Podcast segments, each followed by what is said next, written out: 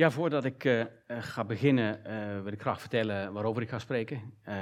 Ik ga spreken over bidden en over of dat eigenlijk wel zin heeft. nou, ik kan jullie alvast vertellen, de clue van het verhaal is dat het wel zin heeft. Maar het gevoel kan je natuurlijk wel bekruipen van, heeft het eigenlijk wel zin, ook met zo'n oorlog in Oekraïne?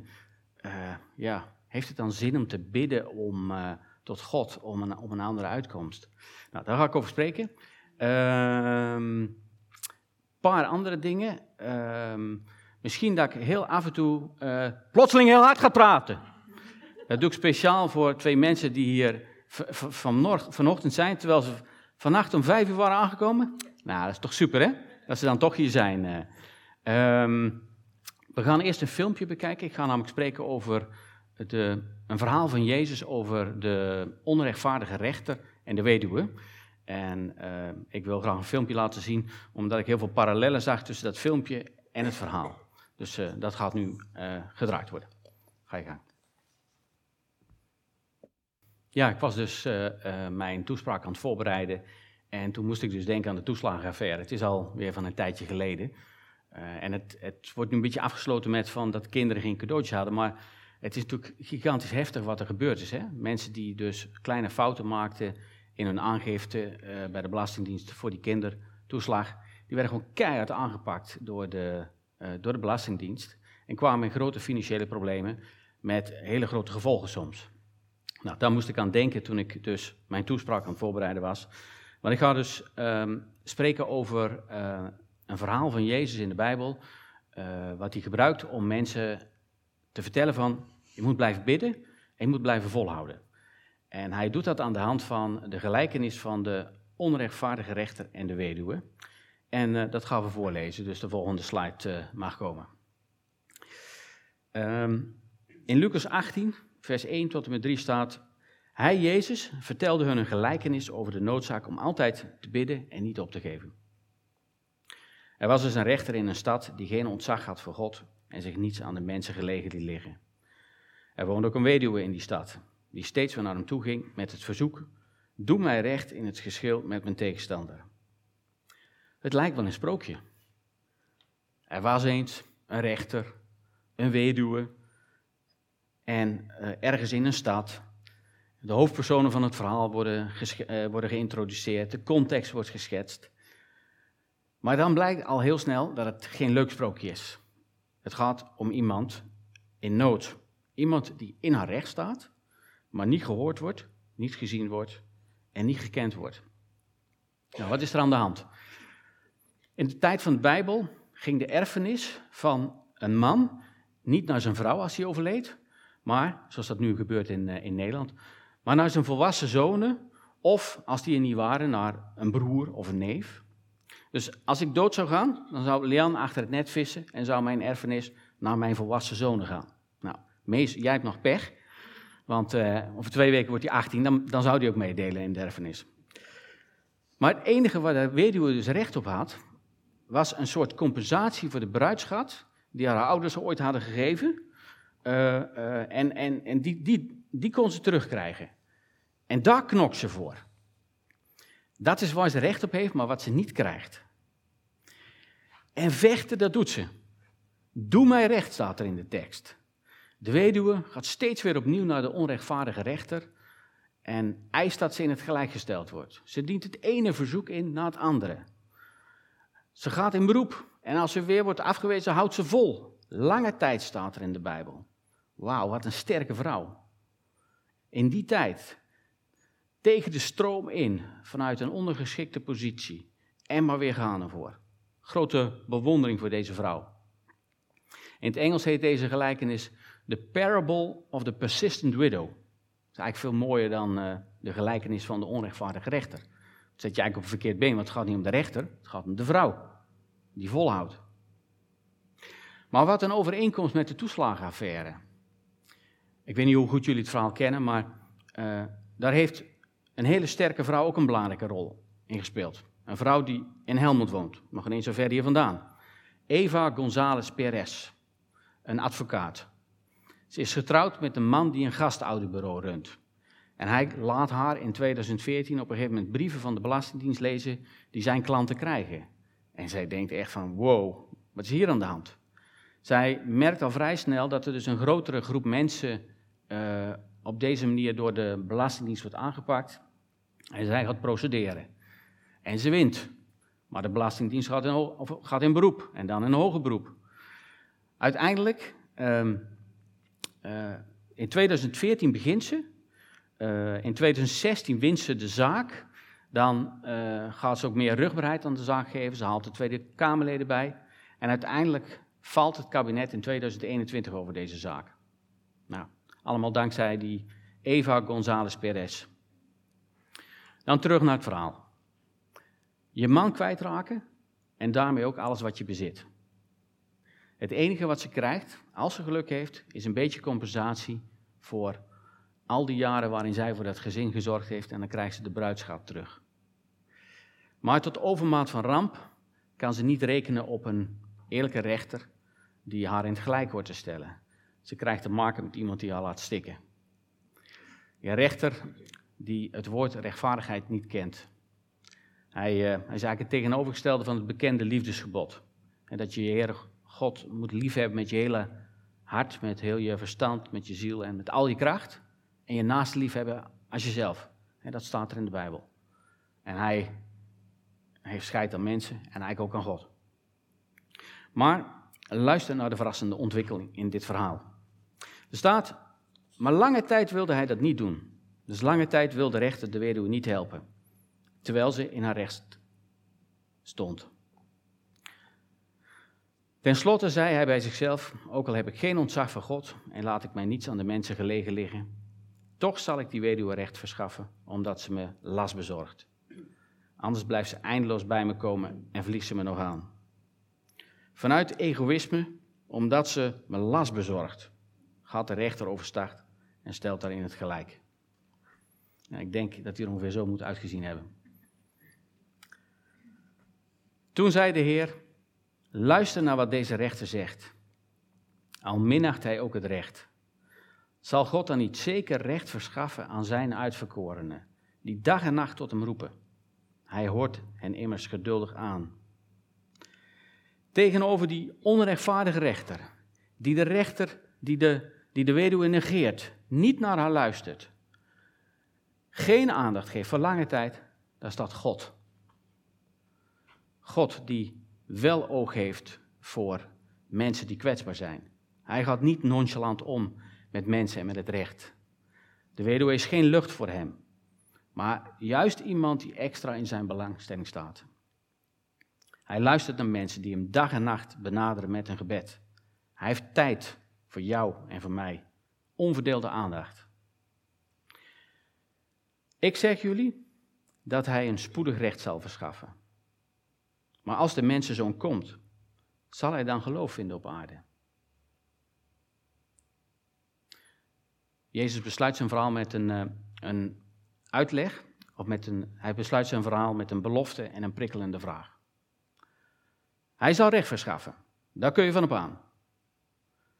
Als zelfs die onrechtvaardige rechter, die waardeloze kerel, zwicht voor het aanhoudend uh, pleiten van, van de weduwe, denk je dan werkelijk dat God, de God van hemel en aarde, zijn lievelingen, zijn kinderen zal laten wachten? No way. Daar kun je van op aan, daar kun je bouwen. Jezus komt terug. En dan wordt alles rechtgezet. Daar hebben de mensen om gebeden. De kinderen, hè, die dag en nacht uh, baden.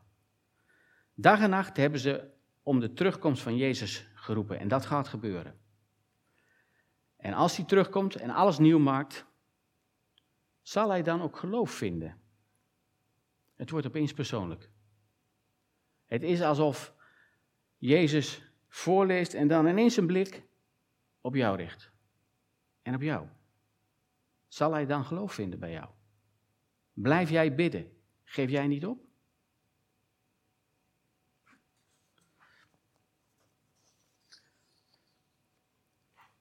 Wat vind jij eigenlijk van bidden?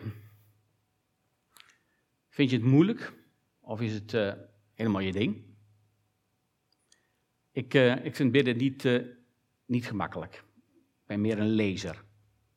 Ik lees in de Bijbel Ik lees ook graag over de Bijbel, over geloof, of over mensen die vertellen hoe ze hun geloof vormgeven.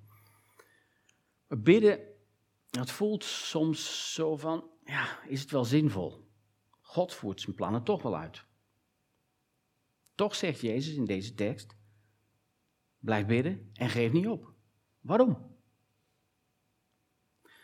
Uh, Kierkegaard, een uh, Deense filosoof en uh, theoloog, die zegt, heeft ooit gezegd dat de, de functie van het gebed is niet het beïnvloeden van God, maar het beïnvloeden van degene die bidt. Gebed kan jou veranderen.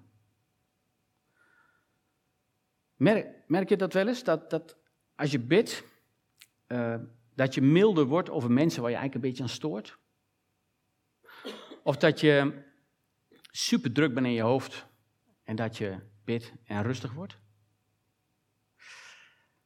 Je mag het allemaal neerleggen bij Hem. Overlaten aan God en rust vinden. In Matthäus 11 staat dan ook een bekende tekst van mensen die vaker de Bijbel lezen. Kom naar mij als je moe bent. Kom naar mij als je gebogen gaat onder het gewicht van je problemen. Ik zal je rust geven. Doe wat ik je zeg. Leer van mij. Want ik ben vriendelijk en geduldig en bescheiden. Daarom zul je bij mij innerlijke rust vinden. Doe wat ik je zeg, staat er in de tekst. Blijf bidden en geef niet op. Het gebed kan jou veranderen. Het gebed helpt je eigenlijk om meer op Jezus te lijken. Milder, liefdevoller en rust vinden, diepe vrede. Even een slokje water. Ja, koek komt straks.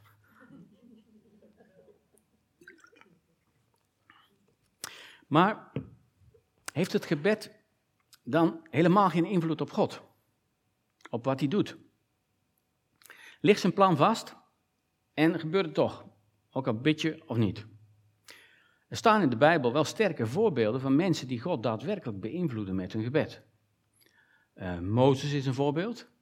Uh, die bidt op een gegeven moment voor het volk Israël, want God is zo boos over de zonde, voor de zoveelste keer dat het volk zonde gedaan heeft, dat hij ze eigenlijk wil wegvagen. En dan bidt Mozes voor het volk en dan besluit God om het, dat niet te doen. Of een, eh, een ander verhaal in de Bijbel over een koning, Iskia, die te horen krijgt dat hij gaat sterven en dan bidt en dan nog 15 jaar te leven krijgt van God. Er staat dan, ik heb je gebed gehoord en je tranen gezien en daarom geef ik je nog 15 jaar te leven. En in Jacobus staat, het gebed van een rechtvaardige vermag veel en mis zijn uitwerking niet. Maar hoe zit het dan met die gebeden die niet verhoord worden? Zijn die niet goed of zo?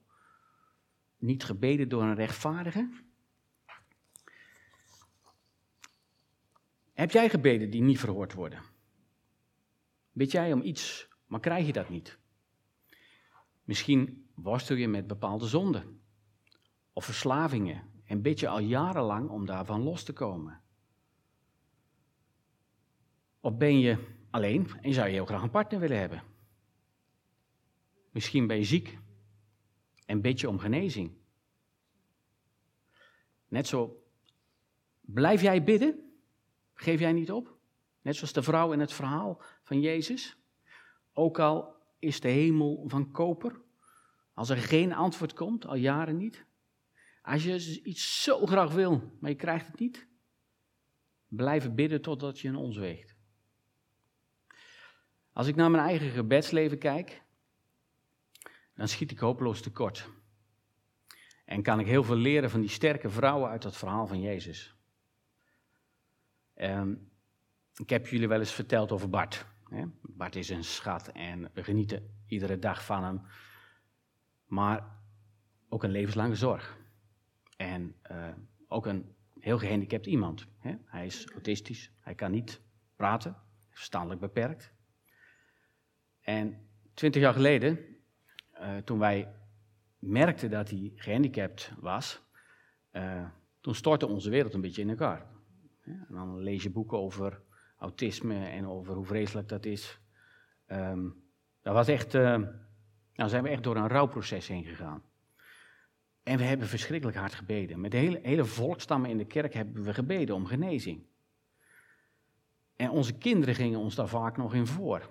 Want ik heb het ondertussen eigenlijk opgegeven. Maar het is dan fantastisch om te weten dat het niet van mij afhangt. Jezus maakt mij duidelijk dat ik mag blijven bidden en dat ik moet volhouden. Maar als ik niet volhoud, als ik faal en tekortschiet, dan is er al voorzien in een oplossing. Jezus heeft namelijk wel volgehouden. Hij heeft niet opgegeven.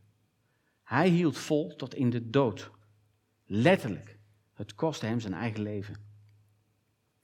Twee weken geleden was het Goede Vrijdag en Pasen. Het mooiste feest wat er is. Want Hij is de oplossing. Hij heeft de dood verslagen. Hij biedt ons een toekomst vol van hoop. En weet je wat zo bijzonder is? Jezus weet wat onverhoorde gebeden zijn. Hij bad ook om iets wat hij niet kreeg. Toen het beslissende moment kwam, vroeg Jezus zijn vader in de hemel of het misschien anders kon. In de Bijbel staat, toen hij het niet meer uithield van verdriet, ging hij bidden.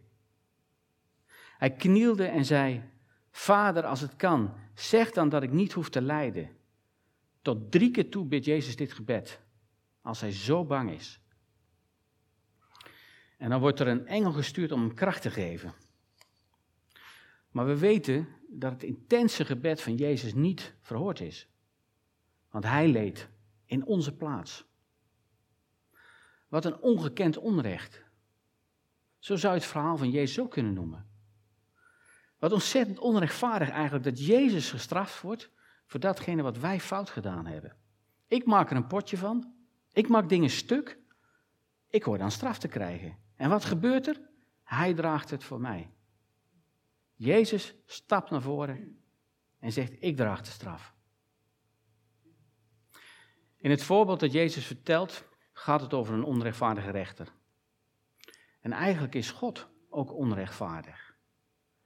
Hij draagt zelf de straf die wij verdiend hebben. Geen andere godsdienst, voor zover ik weet, heeft hetzelfde idee. God, de schepper, de eeuwige, offert zichzelf op, leidt voor ons, gaat door de dood en creëert nieuw leven. Wat een boodschap en wat een genade. Besef opnieuw hoeveel geluk je hebt. En wat een fantastische vader wij hebben in de hemel, die uh, heel erg veel van je houdt. Ik zal uh, gaan bidden.